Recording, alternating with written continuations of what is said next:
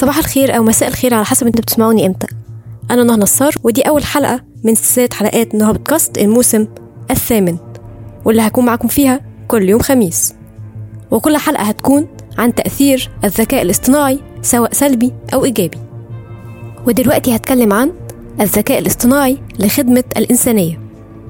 وقبل التطرق للحديث عن خدمته الإنسانية يجب تعريفه أولا وهو سلوك وخصائص معينة تتسم بها البرامج الحاسوبية تجعلها تحاكي القدرات الذهنية البشرية وأنماط عملها. ومن أهم هذه الخصائص القدرة على التعلم والاستنتاج ورد الفعل على أوضاع لم تبرمج في الآلة إلا أن هذا المصطلح جدلي نظرا لعدم توفر تعريف محدد للذكاء. ويعتبر الذكاء الاصطناعي فرع من علم الحاسوب. وتعرف الكثير من مؤلفات الذكاء الاصطناعي على أنه دراسة وتصميم العملاء الأذكياء.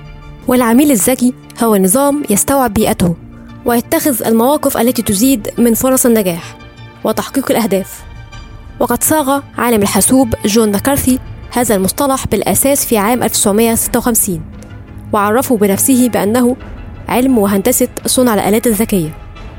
ويعرف كل من أندرياس كابلن ومايكل هنلن الذكاء الاصطناعي بأنه قدرة النظام على تفسير البيانات الخارجية بشكل صحيح والتعلم من هذه البيانات واستخدام تلك المعرفة لتحقيق أهداف ومهام محددة من خلال التكيف المرن. وفي مقال نشر حديثا قال براد سميث الرئيس والمدير القانوني في مايكروسوفت إن العالم كان وما زال يعاني من أزمات إنسانية مستمرة ناجمة عن الكوارث الطبيعية والكوارث التي يتسبب بها الإنسان.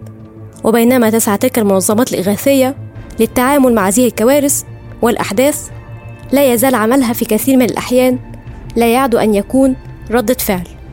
ومن الصعب توسيع نطاقه ووفقا لسميث فأن الذكاء الاصطناعي وعلوم البيانات بالإضافة إلى الخبرة المتمثلة في العلوم البيئية والمساعدات الإنسانية ستساعد على إنقاذ المزيد من الأرواح وتخفيف المعاناة وذلك عن طريق تحسين الطرق التي تتنبأ بحدوث وتعزيز وسائل التعامل مع الكوارث قبل أو بعد وقوعها.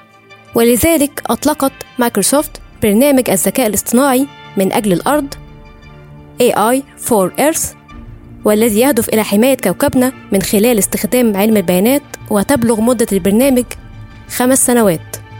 ويتكلف 50 مليون دولار حيث يقوم البرنامج بنشر خبرة مايكروسوفت التي تصل إلى 35 عاما في مجال البحث والتكنولوجيا في تقنيات الذكاء الاصطناعي في القطاعات الأربعة الرئيسية الزراعة والمياه والتنوع البيولوجي وتغير المناخ. وبكده انتهت حلقة النهاردة من بودكاست.